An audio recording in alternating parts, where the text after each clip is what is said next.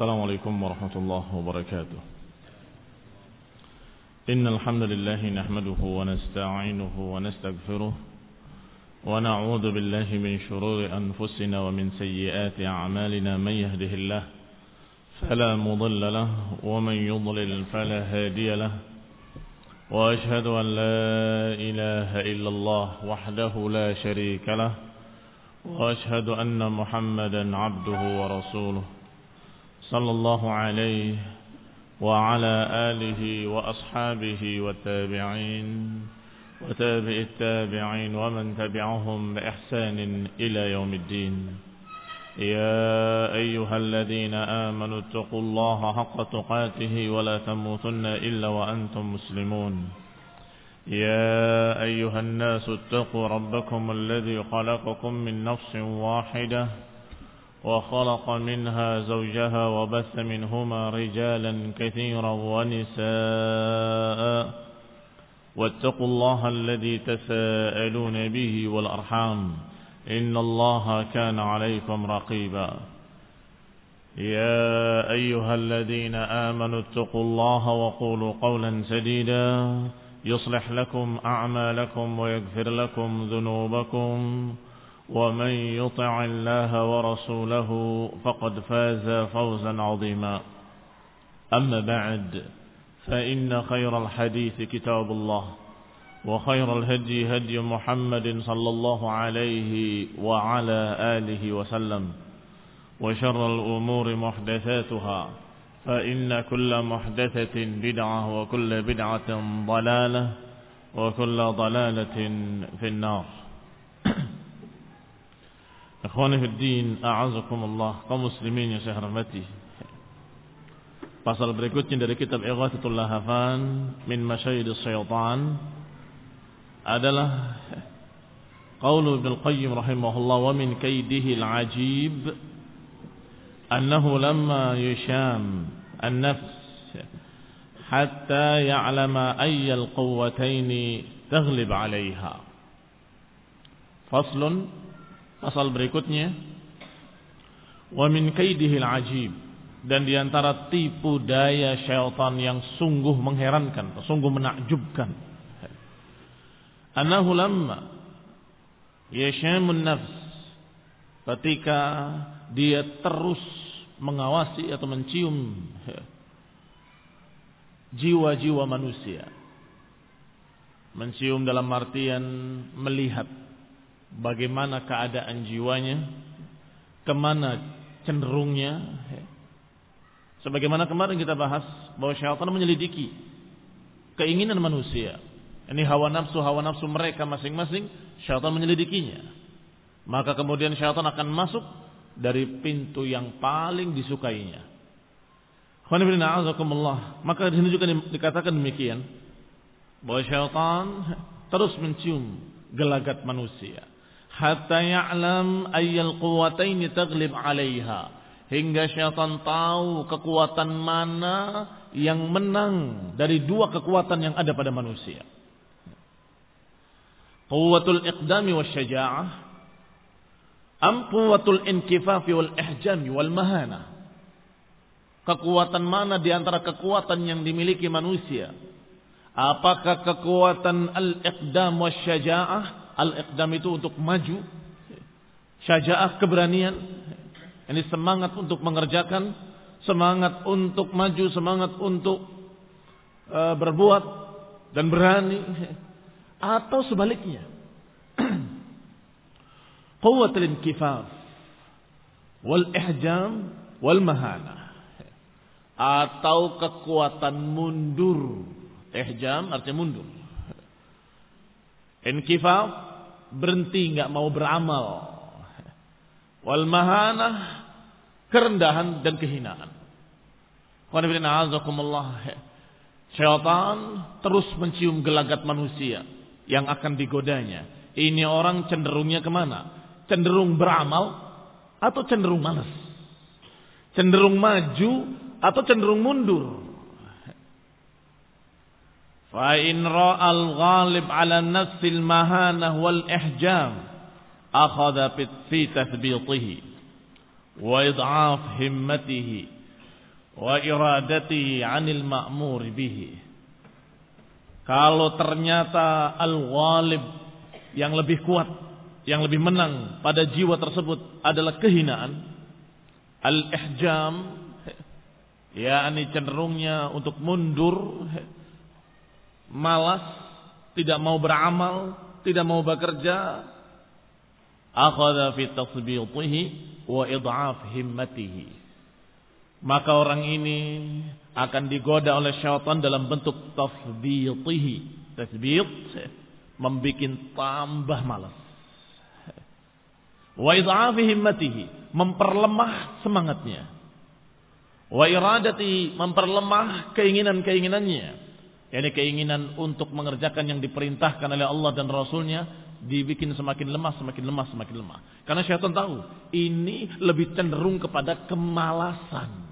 Orang ini cenderungnya untuk santai, nggak mau beramal, nggak mau bekerja, nggak mau beribadah.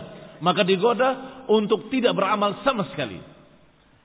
Wadaqalahu alaihi digambarkan betapa beratnya ibadah. Fahuwa alaihi tarkuh maka orang ini diupayakan untuk meninggalkan amalan-amalan ibadah. Hatta yatrukuhu hatta yatrukahu jumlatan hingga ujung-ujungnya meninggalkan ibadah secara keseluruhan. Aw yuqassir fihi wa yatahawan bihi atau paling tidak digoda supaya dia meninggalkan sebagiannya atau kurang sempurna atau mengabaikan, melalaikan atau dia kemudian melupakannya. Ini digoda oleh syaitan kalau bisa meninggalkan seluruh ibadah. Kalau nggak bisa paling tidak sebagiannya menguranginya. Atau kalau tidak bisa paling tidak dia mengerjakan tidak sempurna. Kalau dilihat kecenderungan orang ini adalah kecenderungan malas. Sebaliknya, wa in ra'a al-ghalib alaihi al iqdam. Kalau dilihat oleh syaitan bahwa kecenderungan orang ini justru yang ghalib, yang unggul adalah semangatnya. Al-iqdam. Semangat untuk maju, semangat untuk mengerjakan, semangat untuk beribadah. Wa uluwul himmah. Memiliki semangat yang tinggi untuk beribadah. Aqadha yuqallil indahu al-ma'mur bihi. Maka digodanya dengan cara lain. Digambarkan oleh syaitan bahwa yang diperintahkan oleh Allah itu kecil sekali, sedikit sekali, kurang. Lihat, yang tadi digoda supaya jangan mengerjakan yang diperintahkan oleh Allah. Sedangkan yang kedua digoda bahwa yang diperintahkan oleh Allah kok sedikit. Kok disuruh cuma sekali? Jangan sekali, yang banyak. Kok cuma sekian? Perbanyak lagi, perbanyak lagi, perbanyak lagi, tambah, tambah, tambah. Wa yuhimuhu anahu la yakfihi. Dibayangkan kepadanya dengan waham bahwa ibadah tadi kurang, mayakfi, tidak cukup. Wa anahu yahtaj ma'hu ila mubalaghah. Bahwasanya butuh untuk diperbanyak mubalaghah, ditinggikan lagi. Wa ziyadah ditambah-tambah. Fayuqassirul awal wa yatajawaz bitsani. Maka syaitan Menggoda yang pertama agar taksir, mengurang-urangi ibadah. Menggoda yang kedua untuk menambah-nambah ibadah. Kedua-duanya salah. Kedua-duanya menyimpang kalau menuruti godaan syaitan. kaum muslimin yang saya hormati. Lihat. Syaitan menyelidiki keadaan jiwa-jiwa manusia dan syaitan mengalir pada tubuh manusia majradam. Mengalir di aliran darah manusia. Sampai ke jantungnya, sampai ke hatinya. Dan dia tahu ini orang cenderungnya ke mana. Cenderungnya kepada perbuatan-perbuatan kemalasan. Atau cenderungnya kepada semangat. Kalau cenderung malas. Maka akan digoda untuk meninggalkan ibadah-ibadah. Kalau bisa meninggalkan secara keseluruhan. Dibisikkan kepadanya ibadah itu untuk orang-orang yang dalam keadaan belum yakin. Kalau kamu yang sudah yakin, nggak perlu ibadah. Bisikan syaitan. Kenapa? Syaitan tahu aslinya. Orang ini males. Orang ini dalam keadaan nggak mau beramal dan senangnya santai, nggak mau capek, nggak mau beribadah. Maka dibisikkan, kamu ini sudah yakin, nggak perlu ibadah lagi. Dia berpikir lagi, masa sudah yakin nggak perlu beribadah? Iya, karena dalam Al-Quran dikatakan, wa'bud rabbaka hatta ya'tiyakal yakin. Beribadahlah pada Allah sampai datang keyakinan. Padahal ayat ini tafsirnya bukan ke sana. Ayat ini tafsirnya wa'bud rabbaka hatta ya'tiyakal maut. Keyakinan yang dimaksud adalah kematian. Beribadahlah kepada Rabbmu sampai datang kematian. Tetapi syaitan menyeret makna ayat tadi. Karena dia yakin orang ini akan menerima. Karena orang ini malas aslinya. Wahai rajul. Allah katakan beribadahlah sampai yakin. Kamu sekarang sudah yakin kan? Ya saya yakin. Kalau begitu nggak perlu ibadah lagi. Mulai dia berpikir, iya. Benar juga. Wah saya males lagi. Akhirnya dia tidak beribadah, punya dalil lagi. Sedangkan yang kedua, orang yang semangat beribadah, semangat beramal, kalau ada perintah-perintah dalam Quran dan Sunnah dia kerjakan, maka syaitan menggodanya bukan dengan cara tadi. Menggodanya dengan cara lain. Kok segini ya salatnya? Kenapa? Kok cuma sekian? Kurang. Kok cuma 33 kali? Mestinya seribu atau 70 ribu kali. Sehingga apa yang diperintahkan oleh Rasulullah SAW dianggap kecil, dianggap sedikit. Akhirnya dua-duanya sesat. Yang pertama sesatnya dalam keadaan muqassir. Yang kedua sesatnya mujawiz. Muqassir adalah orang yang kurang beribadahnya. Sedangkan mujawiz adalah orang yang berlebih-lebihan ibadahnya. Kama qala ba'du salaf. Sebagaimana dikatakan oleh sebagian para ulama dari kalangan salaf. Ya, Ma amarallahu ta'ala bil amri illa walisyaitan fihi nazghatan. Tidaklah Allah memerintahkan satu perintah kecuali syaitan memiliki nazghatani, memiliki dua godaan. Nazghah artinya godaan sebagaimana ayat yang pernah dibahas. Wa imma yanzaghannaka minasyaitani nazghun fasta'id billah. Kata Allah, kalau syaitan memberikan kepada kamu bisikan godaan, maka berlindunglah kepada Allah. Kata para ulama salaf, syaitan setiap ada perintah Allah Subhanahu wa taala, maka syaitan memiliki nazghatani, memiliki dua godaan. Imma ila tafritin wa imma ila taqsir. Imma ila tafriq wa taqsir wa imma ila mujawiz wal ghulu. Bisa jadi digodanya kepada tafriq, melalaikan, taksir, berkurang-kurangan dalam mewujudkan perintah Allah. Wa imma ila mujawazah wa ghulu atau digoda untuk berlebihan atau ghulu.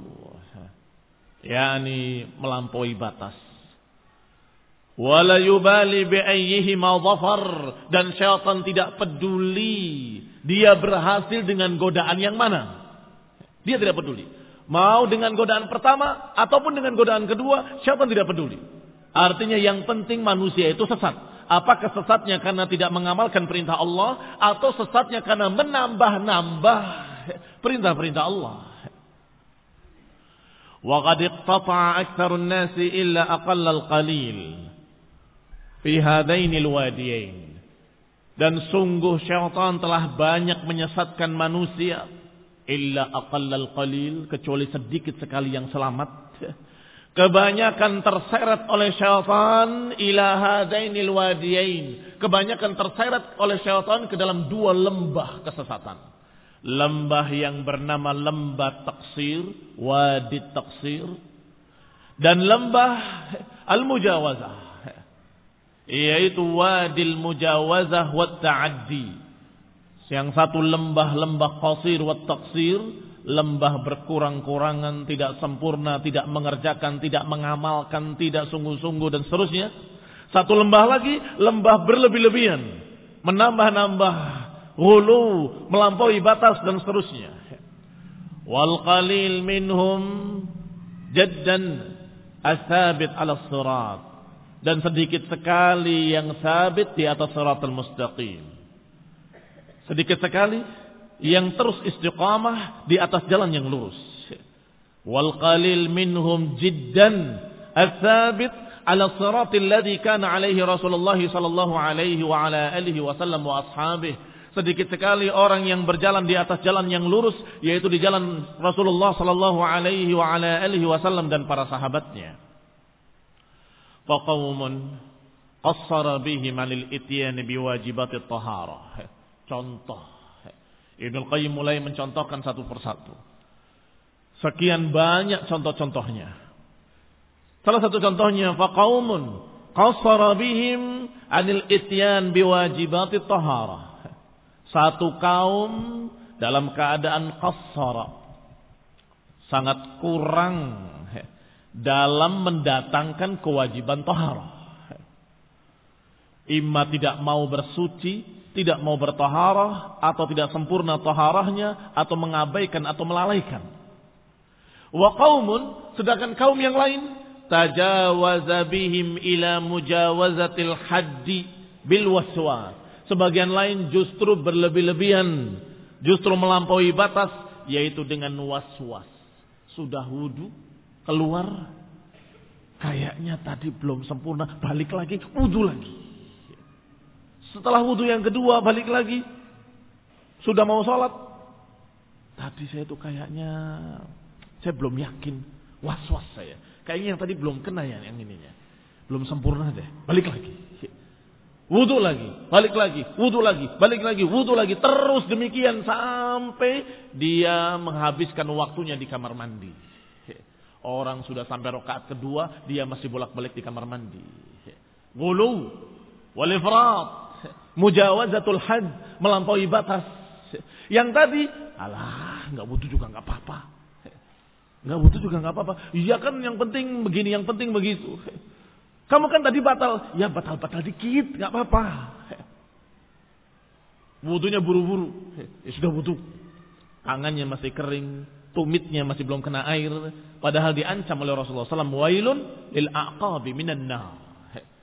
Neraka wail bagi mereka-mereka yang tumitnya tidak basah ketika berwudu. Diancam dengan neraka. Tapi orang ini mengabaikan. Lihat orang yang pertama dan lihat orang yang kedua. Kedua-duanya melampaui batas atau kedua-duanya sesat. Yang satu tidak sempurna dalam berwudu. Yang satu berlebih-lebihan sampai was-was. Dua-duanya tergoda oleh syaitan. Ketika syaitan tahu orang yang pertama ini malas, digoda oleh syaitan. Udah, sekedarnya saja. Yang kedua, karena orang ini ter, ketahui rajinnya, rajin banget, maka ini orang perlu digoda. Untuk terus berwudu, berwudu, berwudu, berwudu. Padahal sudah sah. Diulangi lagi, diulangi lagi, diulangi lagi, diulangi lagi. Karena was-was. Contoh berikutnya wa qawmun. Qasara bihim an ikhrajil wajib minal mal. Satu kaum tidak mau mengeluarkan kewajibannya dari harta. Bakhil nggak mau mengeluarkan zakat digoda oleh syaitan. Kamu capek mencari dunia, kamu capek bekerja, tiba-tiba mau dikasihkan orang. Jangan. Tahan saja. Lo ini wajib zakah. Harta kamu sudah sampai nisab dan sudah lewat satu haul, maka wajib atasmu keluar zakat. Ya tapi kan dia cari akal. Bagaimana caranya supaya tidak keluar zakat? Dan syaitan mengajarinya. Ini saja. Kamu berikan yang ini untuk barang-barang yang tidak kena zakat. Kalau emas dan perak kena zakat, kamu berikan apa kek yang tidak kena zakat. Nanti kalau sudah sudah lewat satu haulnya, kamu balikan lagi, kamu jadikan emas lagi. Nanti sudah 11 bulan, hampir 12, kamu belikan barang lagi. Setelah kamu belikan barang, maka tidak sampai haul. Kamu nggak keluar zakat. Nanti kamu kembalikan lagi kepada emas dan perak. Terus seperti itu. Kamu nggak akan kena zakat. Tergoda oleh syaitan dengan godaan yang pertama. Karena dilihat oleh syaitan. Tercium bahwa orang ini bakhil. Hubbud dunya wa karahiyatul maut. Cinta dunia dan benci kepada kematian. Sedangkan yang kedua qaumun. Tajawaza bihim hatta akhraju jami'a ma fi aidihim wa qa'adu. Sampai-sampai yang kedua ini tajawaza bihim. Melampaui batas hatta akhraju jami' ma bi aidihim. Maka dia keluarkan semua yang dia punya. Dia berikan seluruhnya sampai dia tidak memiliki apa pun.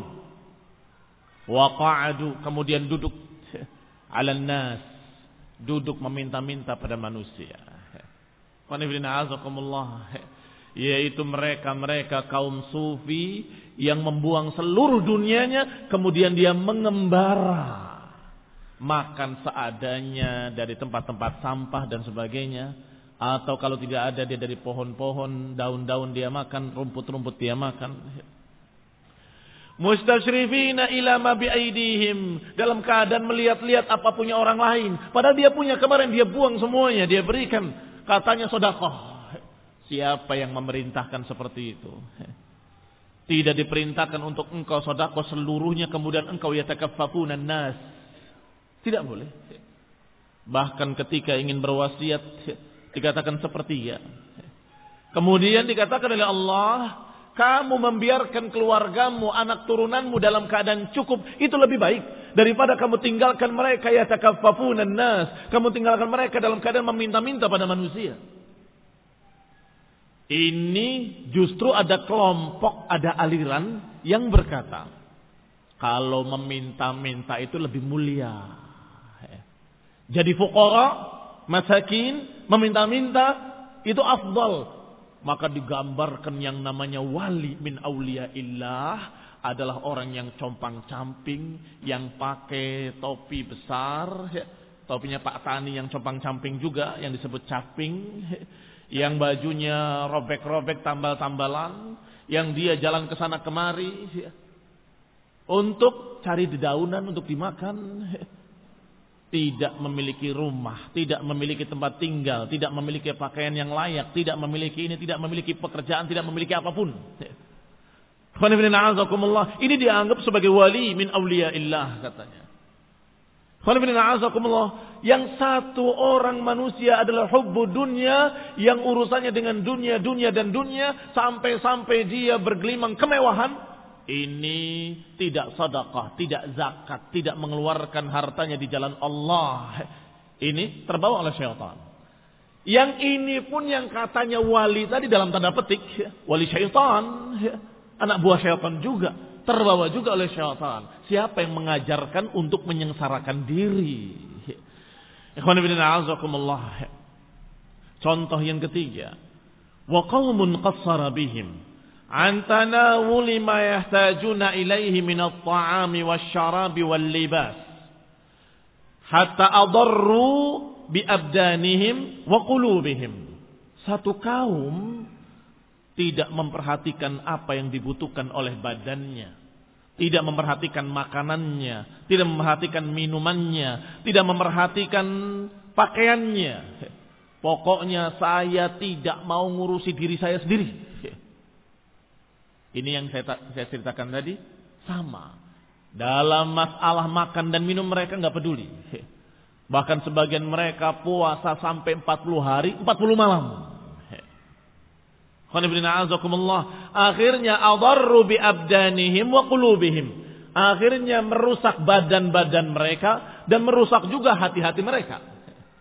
Ini kaum-kaum tasawuf yang hulu, yang berlebih-lebihan dalam agama mereka tidak peduli dengan makanannya, minumannya, tidak peduli dengan pakaiannya. Alasannya, saya tidak mau mengurusi dunia, saya ingin mengurusi akhirat saja.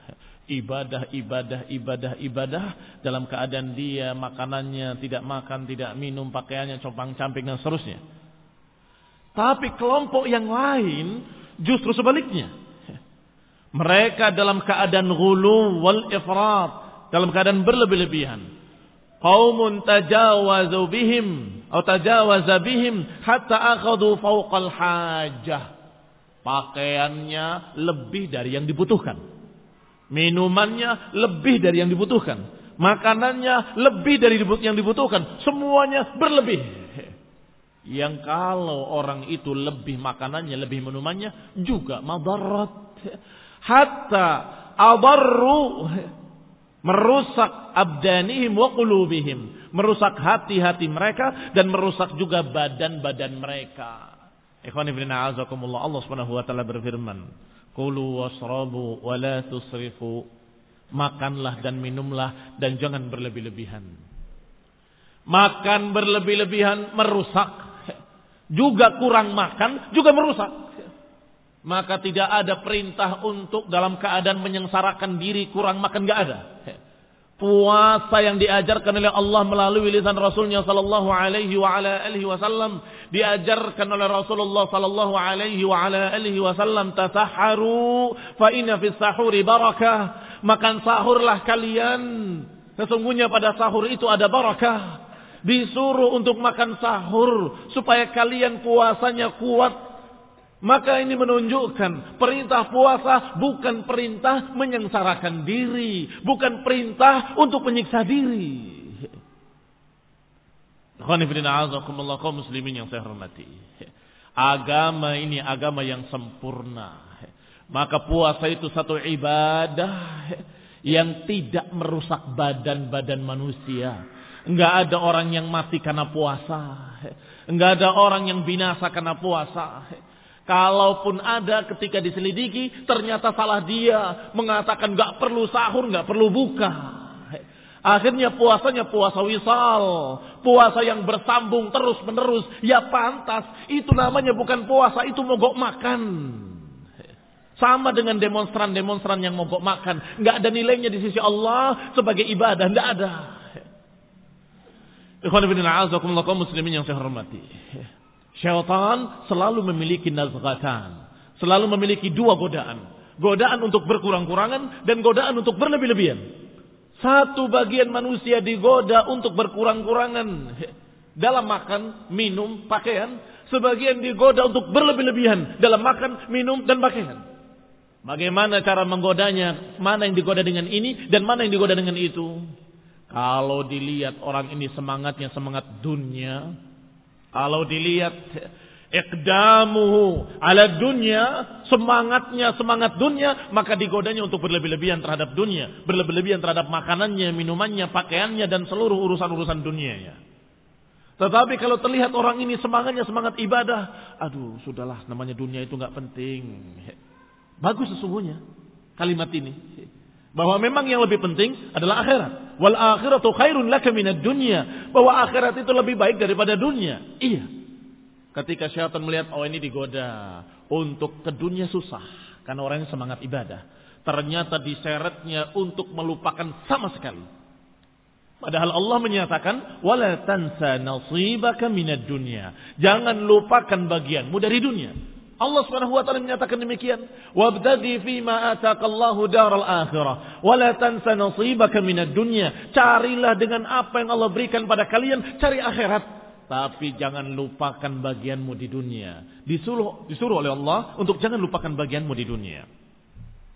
Tetapi syaitan menggoda untuk melupakan dunia sama sekali. Maka muncullah manusia-manusia aneh yang saya kira itu adalah dulu terjadi. Di zaman aliran sufi baru muncul yang mereka memakai pakaian suf, memakai pakaian yang paling kasar, paling murah dan mereka mengatakan kalau ada orang yang berpakaian seperti kalian dikatakan kalian berlebih-lebihan, kalian ahli dunia dikatakan. Dan kalau makan sehari lebih dari sekali dikatakan dulu berlebih-lebihan kata mereka. Ternyata sungguh pada hari ini masih ada muncul kembali atau mungkin berlanjut masih ada kelompok-kelompok yang demikian.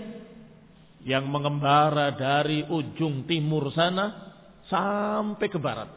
Dari Jawa Timur ke Jawa Barat dari Jawa Barat ke Jawa Timur. Yang dari timur ke barat katanya saya ingin ya, untuk berjalan kaki sampai ke tempat keramat Sunan Gunung Jati yang dari Jawa Barat yang berjalan jauh sampai ke Jawa Timur jalan kaki. Tidak mau pakai kendaraan apa pun dan tidak mau bawa bekal apa pun. Katanya saya ingin berziarah kepada tempat keramat Sunan Ampel. Yang dari sini ke sana, yang dari sana ke sini. Kenapa mereka tidak membawa uangnya, perbekalannya? Kenapa mereka? Kenapa mereka? Tujuannya sudah tempat keramat. Yang kedua, caranya sudah caranya sufi terdahulu persis tidak mau dia makan kecuali apa yang didapati di jalan. Kalau tidak dapat apa pun, maka dia akan puasa. Puasa apa? Yang namanya puasa dalam syariat dari terbit fajar sampai terbenam matahari. Kalau puasa sehari, dua hari terus menerus itu bukan puasa namanya. Ikhwan ibn Atau puasa makannya, minumnya tetap. Itu juga bukan puasa namanya. Ikhwan ibn Yang satu ifrat, yang satu tafrid. Contoh berikutnya. وكذلك قصر بقوم في حق الأنبياء وورثتهم حتى قتلوهم Demikian pula sebagian kaum berkurang-kurangan dalam memenuhi haknya para nabi dan para pewaris para nabi. Hatta qataluhum sampai-sampai membunuh mereka. Ya ini kaum Yahudi yang yaqtulunal anbiya'a mereka membunuh para nabi dan Allah selalu mengutuk mereka dengan waqatlihimul anbiya'a karena mereka membunuh para nabi. Satu kaum tidak memberikan haknya para anbiya. Apa haknya para nabi? Haknya para nabi adalah untuk ditaati, untuk diikuti, untuk dimuliakan, untuk dihormati. Itu haknya para anbiya. Tetapi satu kaum tidak menghormati haknya para nabi. Bahkan sampai-sampai membunuh mereka, membunuh para anbiya. Wawarasatahum, wawarasatihim dan juga pengikut-pengikut para anbiya. Siapa pewaris-pewaris para nabi? Para ulama. Juga tidak memberikan haknya para ulama. Apa haknya para ulama? Mengikuti mereka, menerima fatwa-fatwa mereka dan nasihat-nasihat mereka, menghormati mereka, mendoakan mereka dengan doa yang baik, rahimahumullah, tetapi ada satu kaum meremehkan para anbiya, meremehkan para rasul, meremehkan para ulama, merendahkan mereka, tidak menghormati mereka, bahkan membunuh mereka. Siapa? Selain Yahudi. Yahudi membunuh para anbiya, mengejek mereka, mencerca mereka. Sedangkan yang lain selain Yahudi masih banyak. Termasuk para pengingkar sunnah yang menyatakan bahwa mereka itu para nabi hanya pengantar surat. Mereka itu nggak lain selain tukang pos. Apa sih mereka itu kalau bukan mengantarkan surat? Bukankah Rasul itu artinya dalam bahasa Arab pembawa risalah? Risalah dalam bahasa Arab artinya surat. Maka Rasul itu artinya pengantar surat dari Allah kepada kita. Maka Rasul itu hanya tukang pos. Kita terima suratnya. Apa urusannya dengan tukang pos kata mereka? rajim. Kita berlindung kepada Allah Subhanahu wa taala dari godaan syaitan dan dari kesesatan para pengingkar-pengingkar sunnah kafir, murtad, keluar dari Islam. Nggak perlu dibeli salam mereka. Muslimin yang saya hormati. Lihat betapa mereka meremehkan hak-hak para rasul. Sebaliknya, watajawaza akharina hatta abaduhum. Sebaliknya, ada yang memberikan hak-hak para rasul sampai kemudian berlebihan menyembah para rasul. Bukan hanya menghormati, menyembahnya, menjadikannya seperti Tuhan yang tadi sesat, para pengingkar sunnah kaum Yahudi sesat. Demikian pula yang menyembah para rasul sesat. Dan syaitan tidak peduli bi ayyihi ma'udhafar. Syaitan tidak peduli dia berhasil menggoda dengan yang mana. Dengan yang pertama atau dengan yang kedua. Ya ini kalau engkau berjalan di jalan yang lurus, syaitan akan menghalangi. Jangan kamu lewat di sini, jangan kamu lewat di sini, jangan kamu lewat di sini. Kalau dia maksa, pokoknya saya mau lewat. Ber, berpindah ke belakang dan dijongklokkan. Lewat yang jauh, jangan cuma sedikit, yang banyak. Sampai menyimpang. Lihat. Cara syaitan menggoda, nazghatani. Dengan dua tipu daya. Terhadap dua jenis manusia. Apakah manusia itu memiliki semangat ikdam atau ihjam? Kalau semangatnya semangat beramal, akan diajak kepada gulu dan berlebih-lebihan. Kalau semangatnya semangat malas, tidak mau beramal, maka diajak untuk meninggalkan seluruh ibadah. Ikhwan ibn a'azakumullah dikatakan pula oleh Ibnu Qayyim rahimahullah selanjutnya. Wa tajawaza bi akharina hatta abaduhum. Sebaliknya sebagian yang lain justru menyembah para nabi, menuhankan para nabi. Berdoa yang seharusnya kepada Allah, berdoanya kepada nabi. Yang harusnya dia meminta istighosah kepada Allah, dia istighosah kepada Nabi. Yang seharusnya dia mengagungkan Allah, dia mengagungkan Nabi dan seterusnya dan seterusnya. Wa qassara biqaumin fi khiltatin nas. Contoh berikutnya dari Ibnu Qayyim. Dan juga ada satu kaum yang qassara fi khiltatin nas, fi khiltatin nas. Qassara berkurang-kurangan dalam bermasyarakat dalam bergaul dengan manusia. Sangat kurangnya. Hatta i'tazaluhum fit ta'at. Sampai meninggalkan mereka dalam masalah ketaatan-ketaatan pun nggak mau. Tidak mau bergaul dengan masyarakat. Sampai dalam masalah yang baik juga nggak mau bersama masyarakat. Dalam keadaan taat juga nggak mau bersama masyarakat. Bahkan dalam keadaan wajib yaitu beribadah bersama kaum muslimin di masjid-masjid ibadah Jumat Salat Jumat bersama kaum muslimin tidak mau. Salat jamaah di masjid nggak mau. Kenapa? Ah, sudah. Saya bukan mereka, mereka bukan saya. Ikhwan bin a'azakumullah lihat. Betul-betul i'tazaluhum meninggalkan seluruh kaum muslimin dengan alasan bahwa saya berbeda dengan mereka. Mereka semua sesat. Saya sendirian yang beriman kepada Allah SWT. Saya sendiri yang paling lurus, yang paling bertauhid, yang paling ikut sunnah. Aduh, itu ahlul bid'ah. Saya nggak mau sholat di masjid. Loh, Jumat, ah, saya nggak mau Jumatan. Saya sholat Jumat di rumah. Kenapa? Itu imamnya kan masih mengerjakan bid'ah. Sampai yang wajib untuk mengerjakan sholat Jumat bersama-sama kaum muslimin, dia nggak mau.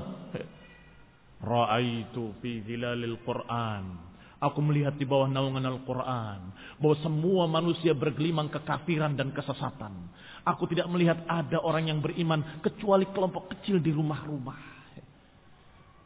Masjid-masjid telah menjadi gereja-gereja dan adzan dikumandangkan dalam keadaan kalimat-kalimat yang memanggil padahal hanya sekedar panggilan-panggilan belaka nggak ada wujudnya dalam kenyataan. Dicerca semua masjid dicerca semua adzan dicerca dan dia tidak menganggap semua itu muslimin. Dikatakan masjid sebagai gereja-gereja kata mereka. Ini kelompok ekstrim kelompok yang menyatakan bahwa saya tidak mau bergaul dengan masyarakat Ikhwan ibn a'azakumullah. Lihat kal jum'ah wal jama'at wal jihad wa ta'allum ilm. Dia tidak mau bersama-sama untuk salat Jumat, dia tidak mau bersama-sama untuk salat jamaah, dia tidak mau sama-sama berjihad bersama penguasa. Kata katanya penguasanya zalim. Tidak mau mempelajari ilmu bersama mereka. Tidak mau bergaul dengan masyarakat sama sekali, eksklusif. Sebaliknya, ada yang tajawaza biqaumin hatta qalatuhum ada yang berlampaui batas dalam bermasyarakat, dalam bergaul dengan mereka, sampai terus bersama mereka dalam kedoliman mereka, dalam kemaksiatan mereka, dalam dosa-dosa mereka, yang katanya gaul. Kalau kami tidak ikut bersama mereka, acara mereka, nanti saya dikatakan tidak gaul. Saya kan orang yang bermasyarakat. Saya ini orang yang supel. Tahu supel?